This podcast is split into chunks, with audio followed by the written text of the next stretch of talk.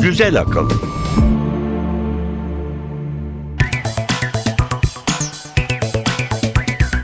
Merhaba, Güzel Akıl 41. bölümde beraberiz. Ben Elif Yılmaz. Ben Emre Üç Kardeşler. Kısa bir tanıtımımız var önce onu dinleyelim. Güzel akılda bu hafta. Biz bozuyoruz, doğa kendi kendini onarıyor.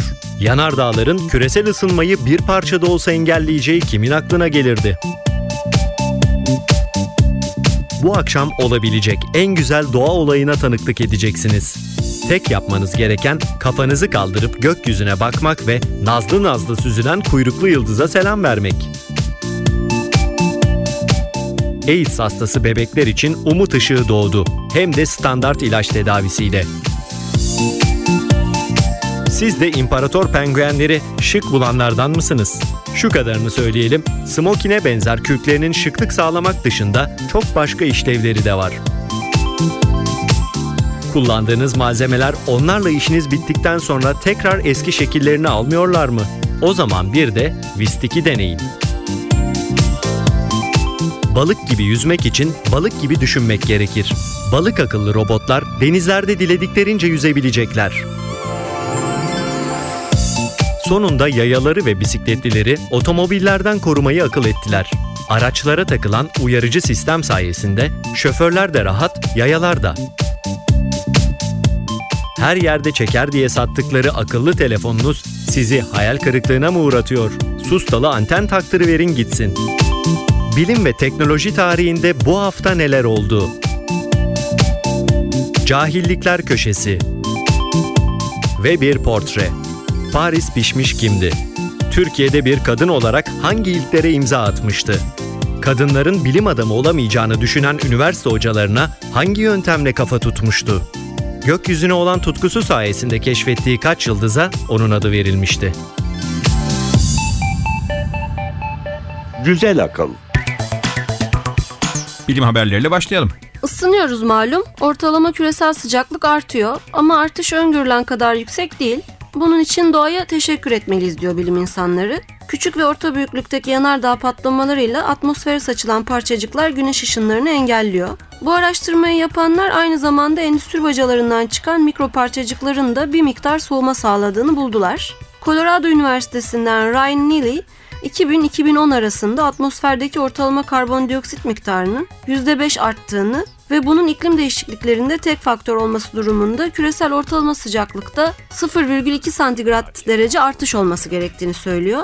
Ama konsantrasyondaki bir dalgalanma stratosferdeki ışık saçılımını %25 oranında engelledi. Hem de o oranda. Evet, bayağı yüksek. Uydu verileri stratosferdeki güneş ışınlarını engelleyici bu parçacıkların ki aerosol deniyor bunlara 2000-2010 arasında %4 ila 7 arasında arttığını gösteriyor. Bu artışın kaynağı konusunda farklı görüşler vardı. En fazla kabul görenler yanardağ patlamaları ve özellikle Çin ve Hindistan'daki sanayileşmeyle artan sülfür dioksit salımıydı. Neely ve ekibi küresel atmosferik dolaşım ve atmosfer kimyası süreçlerini içeren bilgisayar modellemeleriyle söz konusu yıllarda stratosferdeki aerosollere insan katkısının minimum olduğunu gösterdiler. Bununla birlikte yanardağ patlamalarından kaynaklanan aerosolleri de içeren parçacık derişimindeki aylık değişimi gösteren bir dizi simülasyon yani canlandırma gerçekleştirdiler ve geçtiğimiz 10 yılda atmosferde yanardağların parmak izlerine tam da bekledikleri derecede rastladılar. Bayağı müteşekkir olmamız lazım belli ki. işte insanın bozduğunu doğa tamir ediyor yine. Toparlamaya çalışıyor evet. Sıradaki haberimiz Kuyruklu yıldız görmek ya da gözlemlemek en heyecan verici doğa olaylarından biri olsa gerek. kesinlikle. Ve sıkı dur, bu akşam o akşam. Haziran 2011'de keşfedilen Pan-STARRS kuyruklu yıldızı nihayet biz sıradan insanlara da kendini gösterecek. Milyarlarca kuyruklu yıldız barındıran Oort bulutundan geldiği düşünülen Pan-STARRS adını keşif grubunun kullandığı teleskop markasından alıyor. Dünyaya en yakın olduğu tarih 164 milyon kilometre ile 5 Mart'tı ama bu akşam en parlak olduğu zaman. Kutup yıldızından bile parlak. Bu nedenle de güneş battıktan hemen sonra kısa bir süreliğine batı ufkunda çıplak gözle de görülebilecek. Yarınsa yani 11 Mart'ta güneşe en yakın olduğu zaman en yakın gezegen Merkür kadar yaklaşacak güneşe. Bu akşam işim var sonra gelir yine o zaman bakarım demeyin. Evet diyemez miyiz? Diyemeyiz çünkü bir daha 110 bin yıl sonra bu yörüngeden geçeceği için kuvvetle muhtemelen ömrümüz Pence tarzı bir daha görmeye yetmeyecek maalesef. Sıradaki haberimiz. Sırada çok güzel, umut veren bir haber var. AIDS çok acımasız bir hastalık. Özellikle de HIV pozitif olarak doğan bebekler ve çocuklar için. Bağışıklık sistemleri çok büyük hasar gördüğünden hayat onlar için zorken hak etmedikleri şekilde toplumdan dışlanmaları da cabası. Ama şimdi bu çocuklar için bir umut doğdu. Amerika Birleşik Devletleri'ndeki Johns Hopkins Üniversitesi'nden virolog Deborah Persaud, Atlanta'da yapılan retrovirüsler ve fırsatçı enfeksiyonlar konferansında şu anda 2,5 yaşında olan bir çocuğun standart ilaç tedavisiyle iyileştirildiğini, bir yıldır ilaç kullanmadığı halde hastalığa ilişkin belirti göstermediğini açıkladı. Bebek annesine HIV pozitif teşhisi konduktan kısa bir süre sonra doğmuştu. Bu nedenle anne hiç AIDS tedavisi görmediğinden bebeğin de hasta olma olasılığı çok yüksekti. Çocuk hastalıkları ve HIV uzmanı Dr. Hannah Gay de bebeğin doğumundan 30 saat sonra HIV pozitif olup olmadığına ilişkin laboratuvar sonuçlarını beklemeden 3 standart HIV ilacının karışımıyla tedaviye başladı. HIV bebeğin vücudunda hücrelere gizlenemeden ilaç tedavisiyle yok edildi. 2007'de de bir çocuğa başarılı tedavi uygulanmıştı ama onda lösemi tedavisinde kullanılan bağışıklık sisteminin yok edilmesi ve AIDS enfeksiyonuna direnen genetik mutasyona uğramış bir donörden alınan kök hücre nakline dayanan tedavi söz konusuydu. Bu sefer standart ilaç tedavisi uygulandı. Bu arada esas olan erken tedavi gerçekten bu çok önemli. Şimdi merakla beklenen bu tedavinin aynı durumdaki başka bebeklerde işe yarayıp yarayamayacağı. Bu gerçekten çok harika bir gelişme ve Doktor Hanagey inisiyatif kullanarak 30 saat içinde hemen tedaviye başlamış. Birkaç gün beklese belki bu tepkiyi alamayacaklarını düşünüyorlar. Evet o zaman zaten e, virüs hücrelere yerleşmiş oluyor. O sebeple gerçekten çok isabetli bir karar vermiş. Müthiş bir gelişme. Sıradaki haberimiz. Eğlenceli bir haber var. İmparator penguenler Smokey'de benzer tüyleri sayesinde şıklıklarıyla ünlüdür. Fakat Biology Lators'da yayımlanan bir çalışma gösterdi ki bu tüylü kıyafetleri salınanın aksine sıcacık değil, çevredeki soğuk havadan bile daha serin. İmparator penguenler zorlu hava koşullarında hayatta kalmayı özelleşmiş anatomik, fizyolojik ve davranışsal uyumları sayesinde ısı kaybını en aza indirgeyebilmeye borçlular. İskoç ve Fransız bilim insanlarından oluşan ekip Antarktika'da bir imparator penguen kolonisinin yüzlerce termal görüntüsünü aldı. Yani hayvanların vücudundaki sıcaklık dağılımını gösteren görüntüler bunlar. Bu sayede penguenlerin bu zorlu hava koşullarında vücut ısılarını nasıl düzenledikleri gözlemlenebildi. Ortalama olarak hayvanların vücut yüzey sıcaklığı sıfırın altında 23 santigrat dereceye kadar düştü ki bu da hava sıcaklığından yaklaşık 3 santigrat derece daha düşüktü. Hayvanların tüyleri çevreden soğurduğu ısıdan daha fazlasını yayıyordu. Ama iç taraftaki kalın yalıtım tabakası deriden kaçan ısı miktarını azaltıyordu. Bir başka deyişle vücut yüzey sıcaklıkları çevreninkinden daha düşük olduğu için vücuttan daha fazla ısı kaçması engelleniyor. İmparator penguenlerin gözleri, yüzgeçleri ve ayakları sıcak noktaları olarak kabul ediliyor ve ısı kaybını en aza indirgemek için kan dolaşımlarını sağlayan özel damarlar sayesinde kan bu yüzeylerden uzak tutuluyor. Enteresan bir koruma mekanizması geliştirmişler gerçekten. Kesinlikle termal açıdan çok mantıklı ama hiç aklımıza gelmezdi penguenlerin çevrelerinden daha soğuk olacağı. Yüzeyleri daha soğuk, içleri değil. Tabii ki. Bir şarkıyla devam edelim Emre. HIV'i yenen bebeğin müjdeli haberini paylaşmışken Nina Simone'dan dinleyelim. Hey çocuk her şey çok daha güzel olacak.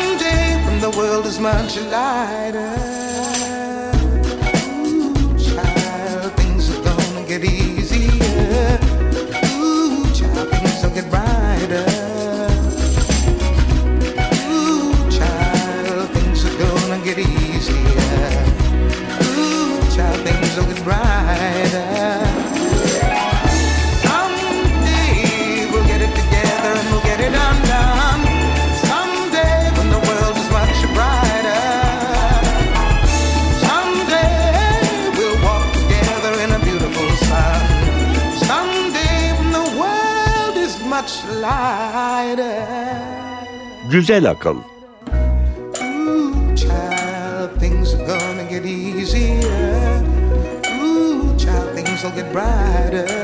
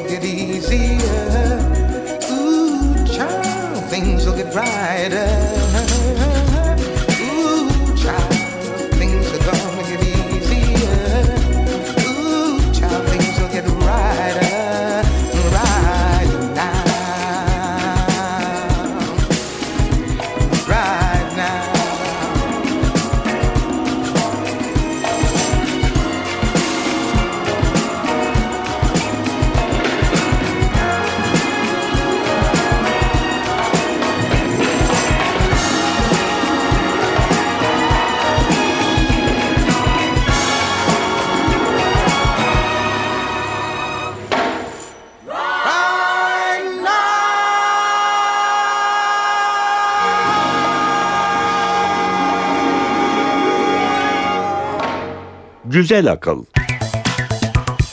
Teknoloji haberleriyle devam edelim. İlk haberimiz yeni bir silikon hakkında. Silikon gerek endüstride gerek günlük hayatta çok kullanılan bir malzeme. Bilgisayarlardan kek kalıplarına kadar binlerce yerde karşımıza çıkıyor, işimize yarıyor. Virginia Üniversitesi'nden fizikçi Lou Bloomfeld yeni geliştirdiği silikonun hem viskosik hem de elastik özelliklere sahip olduğunu duyurdu. Bu yüzden de Vistik ismi verilmiş bu yeni silikona. Temel tanımıyla viskozite bir akışkanın yüzey gerilimi altında deforme olmaya karşı gösterdiği direncin ölçüsü yani akışmazlık. Elastisite ise katı bir malzemenin baskı ile şekil değiştirdikten sonra ve üzerindeki baskı kalktıktan sonra eski haline geri dönmesinin ölçüsü. İşte bu yeni silikon Vistik iki özelliği birden sahip nadir malzemelerden. Üzerine aniden ve kuvvetle bastırılmışsa bu baskı kalkar kalkmaz hızla eski şekline dönüyor. Yok eğer yavaş yavaş bastırılıyorsa uyumlu bir şekilde bu şekli alıyor ve baskı kalktığında bu sefer hızla değil yavaş yavaş eski haline geliyor. Standart bir malzeme biliyorsun aniden sertçe bastırırsan ya kırılır ya hiç etkilenmez. Yavaş yavaş şekli değişen malzemelerde eski hallerine kolayca dönmez. Yıllarca kitapları taşıyan rafların eğri kalması gibi. Evet bir malzeme yorgunluğu oluyor tabii. Evet.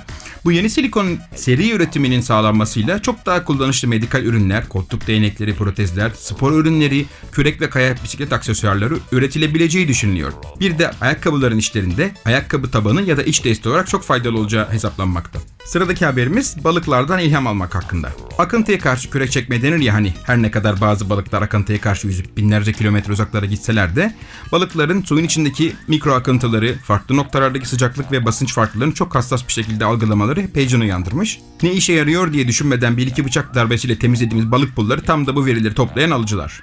Artık kimse öyle temizlemeyecek balıkları. Bu programdan sonra. Bu duyuları sayesinde balıklar su altındaki sıcaklık, basınç ve akıntı durumlarını algılayıp kendi hızlarını en çok artıracak ya da güvenli şekilde yüzecek şekilde hareket ediyorlar. Malum deniz robotları geliştirilirken de deniz canlıları ve özellikle balıklar temel ilham kaynağı. Bu tip haberleri daha önce paylaştık dinleyicilerimizle. Estonya Tallinn Üniversitesi liderliğindeki bir Avrupa Birliği grubu ise madem yüzme tekniklerini örnek alıyoruz o zaman yaptığımız robotun aklı da yüzerken bir balık gibi çalışsın diye düşünmüşler. Ki böylece balık hem daha pil harcayacak hem de hızlı şekilde yüzecek. Unutmasın sonra robot nereye gittiğini. Balık hafızası olmasın. Özellikle renkli alabalıktan ilham alarak yeni geliştirdikleri deniz robotuna bu verileri değerlendirmeyi öğreten bir yazılım eklemişler. Piezoelektrik alıcılar tıpkı balığın pulları şeklinde akıntıyı hisseden ve akıntıya oranla bükülen yapay pullar. Program ise pulların gönderdiği verileri birleştirerek balığın en verimli yüzmesi için akıntıya karşı alınması gereken açıya, derinliğe, kuyruk ve yüzgeç açılarına karar veriyor. Sonuçlar ise tahminlerinden bile başarılı olmuş. Sadece doğru akıntıyı seçmekle kalmayan, doğru girdapları da kendisini itmek için kullanmaya başlayan bir robot balık var artık elimizde. Belki insanları da yönlendirebilecek bir sensör ya da başka bir aygıt üzerinden bu teknolojiyi uygulayabilirler. Zamanla o da olacaktır herhalde. Yanlış kararlar almamızı engelleyecek şekilde hayatta. Kaybolmayız yüzerken. Kaybolmayız. Evet sıradaki haber. Uzun yıllar güvenli otomobil denince aracın içindekileri koruyan hava yastığı, emniyet kemeri, sürücünün hareketlerini algılayan ve sürücü saçmalıyorsa kontrol ele alan bilgisayar gibi uygulamalar akla geliyordu. Son yıllarda ise yoldakileri otomobillerden nasıl koruyabiliriz konusu hızla önem kazanmaya başladı. Otomobillerin ön ızgaraları artık bir yaya çarpma halinde en az hasar verecek şekilde tasarlanmak zorunda. Daha da önemlisi yoldaki yayaları algılayan ve eğer potansiyel bir çarpma durumu varsa otomatik olarak fren yapan yazılımlar geliştirildi. Volvo firması ise bu konuda bir adım daha öne geçti. Sadece yoldaki yayaları değil, bisikletleri de algılayan ve gerekiyorsa fren yapan bir yazılımın yeni modellerine eklenmeye hazır olduğunu duyurdu. Bu yeni sistem sadece yayaları fark eden eski modellere takılamıyor çünkü hem fabrikada takılmak zorunda hem de daha karmaşık bir yazılıma dayandığı için çünkü bir bisikletin hareketi bazen bir yayanın hareketten daha karmaşık ve arabayla bir süre başa baş gitmek durumunda kalabilir. O yüzden daha hızlı bir donanım ve işlemci gerektiriyor. Sistem aslında iki parçadan oluşmakta. Birincisi ön ızgaraya eklenen bir radar, ikincisi de dikiz aynasının yola bakan kısmına monte edilmiş bir yüksek çözünürlüklü kamera. Bu ikisi sürekli olarak yolda aracın önünde ve yolun kenarında hareket eden yaya ve bisikletleri tarayıp her birinin hareketlerini takip ediyorlar. Eğer araç ve yoldakiler belirli açılarla birbirine yaklaşmaya başlamışlarsa sistem önce sürücü uyarıyor. Eğer yakınlaşma devam ediyor ve yazılım çarpışma ihtimalinin olduğuna karar verdiyse araç fren yapıyor. Tabii ki dikkatli ve saygılı araç kullanma alternatif değil bu sistemler ama gene de pek çok hayat kurtaracaklar. Evet son haber. Son haberimiz biraz matrak. Akıllı telefonlar, tabletlerle artık herkes her an internet ya da GSM ağına bağlı kalmak istiyor. Ağların hem veri taşıma gücü hem de sinyal gücü yüksek olsun istenmekte. Eh bu sistemin iki kısmı var. Biri ağdan sinyal verici, öteki de telefon ya da tabletin alıcı anteni. Cihazlar küçülüp inceldikçe antenler de küçülüyor. Cihazların içine bir yerlere sıkıştırıveriliyorlar. Yeni ve ince telefonların özellikle Wi-Fi sinyallerinin her yerde çok da iyi almadığı yönde şikayetler var. iPhone kullanıcıları için yeni bir donanım geliştirilmiş. Herhalde biraz da uyanık bir mucit tarafından. Nedir bu? Anten. iPhone'un arkasına takılan bir kapak ve kasa aslında. Farklı renkleri falan da var. İçinde de süngü şeklinde istendiği zaman dışarı doğru çıkartılabilen bir anten barındırıyor. Bir nevi sustalı anten. Sinyali yeterli bulmadığında kullanıcı bu anteni uzatıp daha güçlü bir sinyal elde edebiliyor. Bu sistem aldığı ekstra sinyali iPhone'un antenine elektromanyetik bir dalga olarak ilettiği için dış antenin ucunu iç anten ucuna bağlamak, kablo uçlarını sıyırıp birbirine bükmek gibi eski moda şeylere gerek yok. Sinyaller kablosuz olarak bir antenden ötekine yollarını buluyorlar. Eski cep telefonlarında 200 cm antenleri vardı hatırlarsın. Hep şikayet Evet. ettiğimiz. İşte böyle muhtaç olursunuz bize diye şimdi geri geliyorlar. Evet bir şarkı daha çal o zaman sen bize. Ayakkabıları daha rahat yapacak olan silikonlardan bahsetmişken Helena Jesse'den gelsin şu ayakkabılar.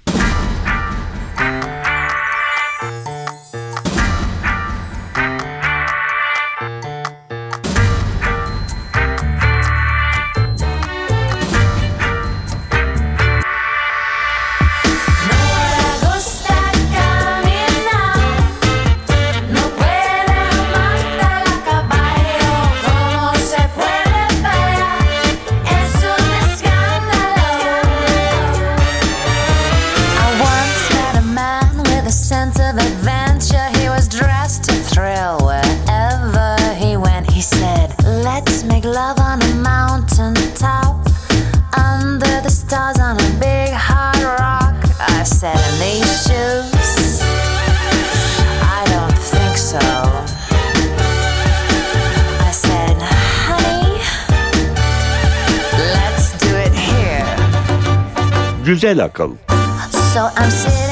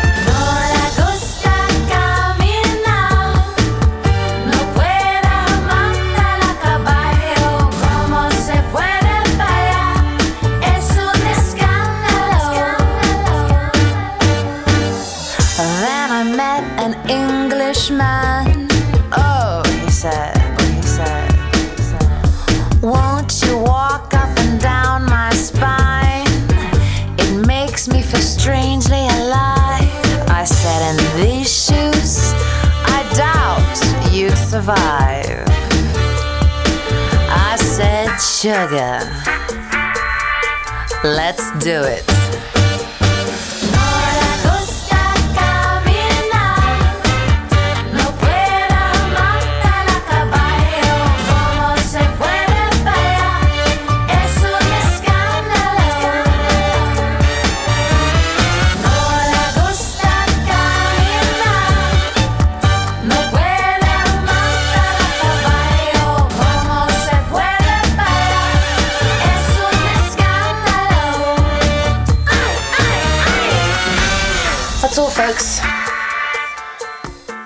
Güzel akıl. Bilim ve teknoloji tarihiyle devam ediyoruz. Bilim tarihinde bu hafta. 4 Mart 1840 dünyanın ilk ticari fotoğraf stüdyosu John Johnson ve Alexander Wolcott tarafından Amerika Birleşik Devletleri New York'ta açıldı. İkili bir yıl önce Fransız kimyager ve sanatçı Louis Daguerre tarafından keşfedilen daguerreotipi fotoğrafik görüntü elde etme yöntemi üzerinde çalışıp kendi daguerreotiplerini üretmeyi başardı. 8 Mayıs'ta da tek lensten gelen ters görüntüyü düzeltmek üzere kullandıkları ayna yansıtıcılı kameranın patentini aldılar. 5 Mart 1590 Danimarkalı gökbilimci Tycho Brahe, Zodyak takım yıldız kuşağından balık takım yıldızındaki kuyruklu yıldızı keşfetti. 6 Mart 1913 Niels Bohr yeni atom modeli hakkındaki düşüncelerini akıl hocası Ernest Rutherford'a yazdığı ilk mektupta açıkladı. Bohr aynı konuda iki tarihi mektup daha yazacaktı. 7 Mart 1979 bilim insanları Voyager 1 uzay aracından gelen görüntüler aracılığıyla Jüpiter'in çevresindeki halkayı fark ettiler. Satürn'ün halkaları ise 1610'dan beri biliniyordu. Uranüs'ün halkalarının keşfi ise 1977'de gerçekleşmişti. 8 Mart 1775 1 Ağustos 1774'te oksijeni keşfeden Joseph Priestley, evinde kurduğu laboratuvarda fareler üzerinde yaptığı deneylerle oksijenin yaşam için neden önemli olduğunu gösterdi. 9 Mart 1611 Danimarkalı gökbilimci Johannes Fabricius teleskobu ile gözlem yaparken güneş üzerinde çok sayıda koyu renkli leke fark etti. Bu yeni keşfini paylaşmak üzere babasını çağırdı ama güneş merkezinin aşırı parlak olması gözlemi zorlaştırıyordu ve baba oğul kamera obscura aracılığıyla farklı bir izdüşüm yöntemi kullandılar. Fabricius güneş lekelerine ilişkin gözlemleri paylaşan ilk gökbilimci oldu. 10 Mart 1876 İskoç mucit Alexander Graham Bell ilk telefon görüşmesini gerçekleştirdi. Bell 7 Mart'ta sesin elektrik telleri üzerinden iletimi konusundaki çalışması için patent almıştı. 10 Mart'ta atölyesine telefon çalıştırmak için kullandığı bataryadan pantolonuna asit dökülünce diğer odadaki yardımcısı Thomas Watson'a telefon aracılığıyla "Bay Watson buraya gelin, sizi görmek istiyorum." dediğinde farkında olmadan tarihte ilk telefon konuşmasını gerçekleştirmiş oldu. Sırada cahillikler köşesi var. Cahillikler köşesi. Hiç sıkıntıdan ölen olmuş mudur? Sıkıntı aslında dopamin hormonunun beyni etkilemesi üzerine oluşan zihinsel bir durumdur.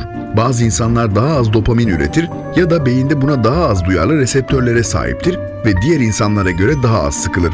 Olumsuz yaklaşımlar immün sistemi zayıflatır. Ama asıl sıkıntıyla başa çıkmak için verilen zihinsel mücadele bağışıklık sistemine daha olumsuz etki eder. Çabuk sıkılan insanlar diğerlerine göre tehlikeli sporlarla daha fazla ilgilenir, alkol ve uyuşturucu kullanımına daha yatkındır. Bunlar hayat kalitesini düşüren ve tehlikeyi artıran durumlardır. Ama bunlardan kaynaklanan ölümlere sıkıntıdan ölme denir mi tartışılır.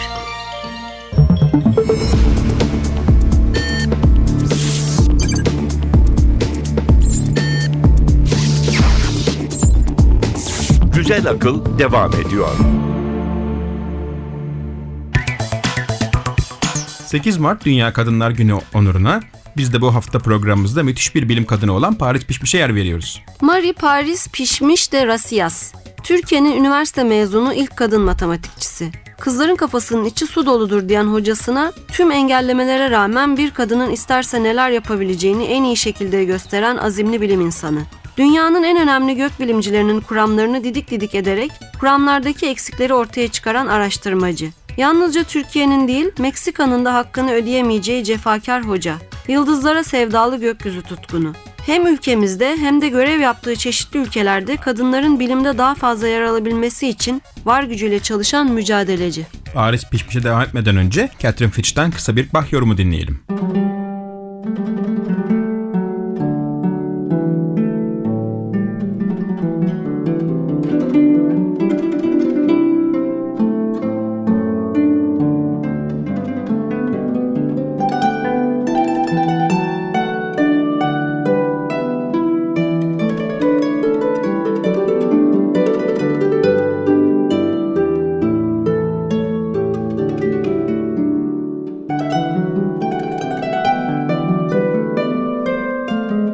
Güzel akıl.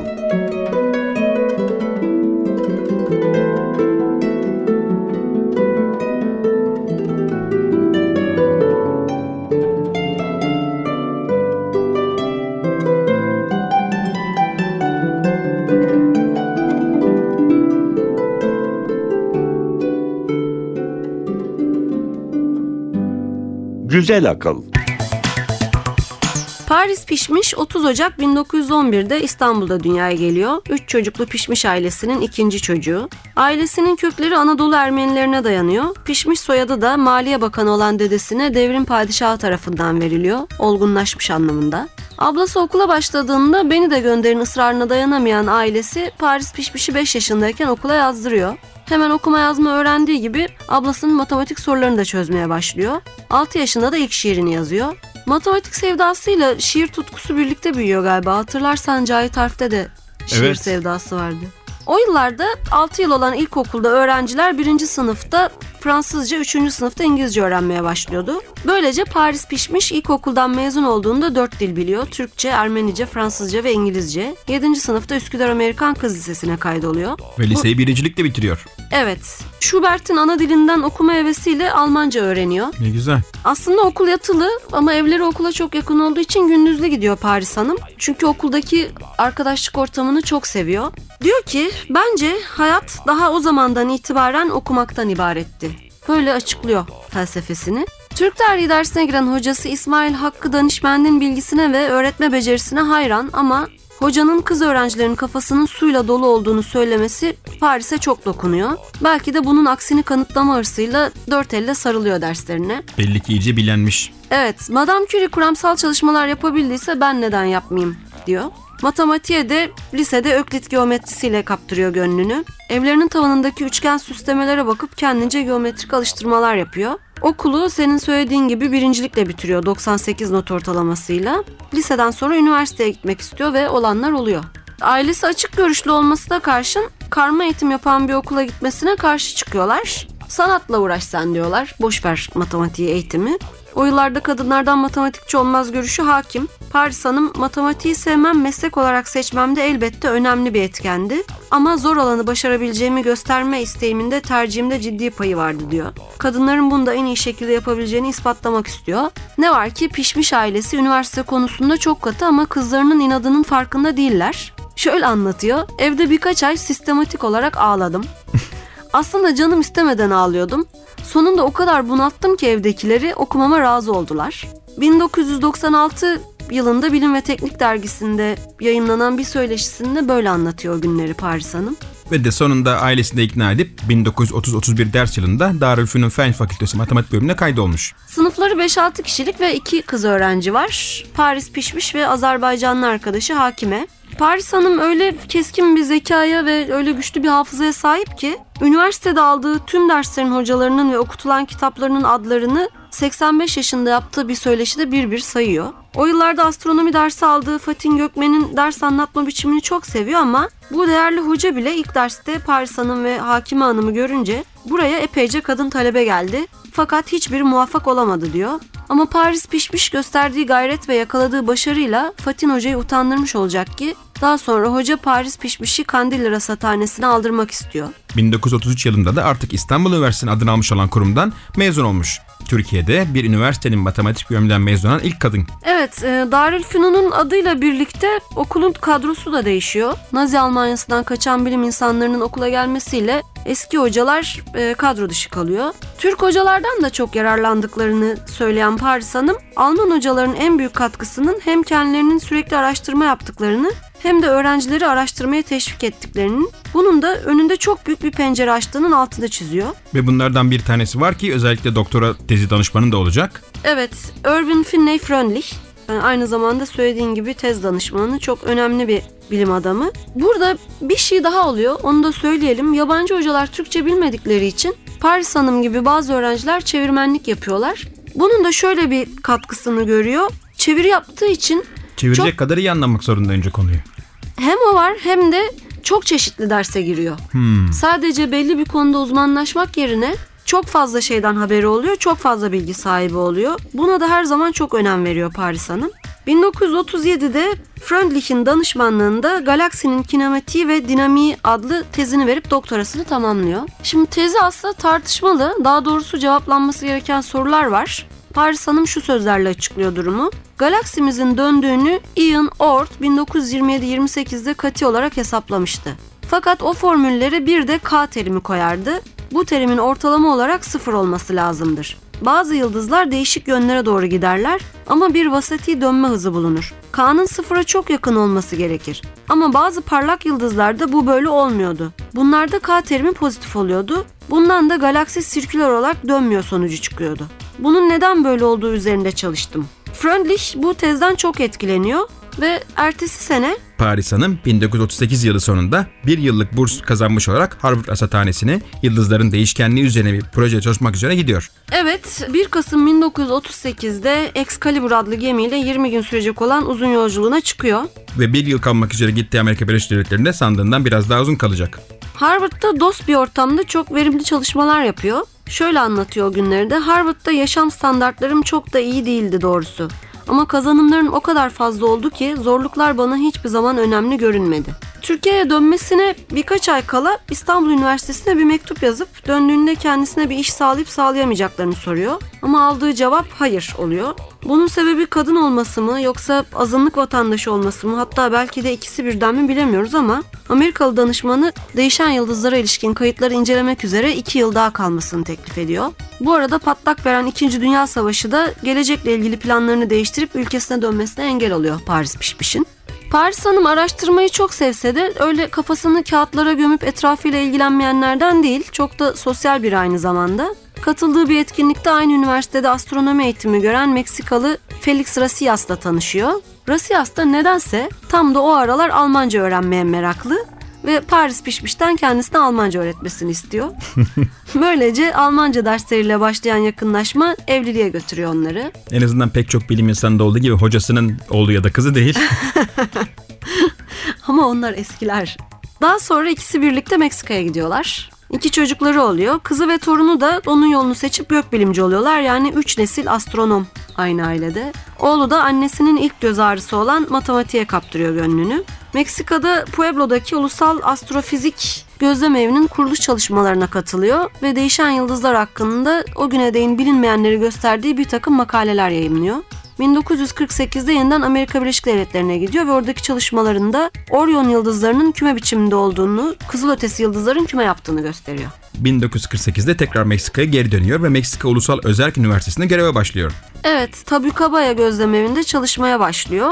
O zamanlar Meksika'da derslerde astronomi okutulmuyormuş.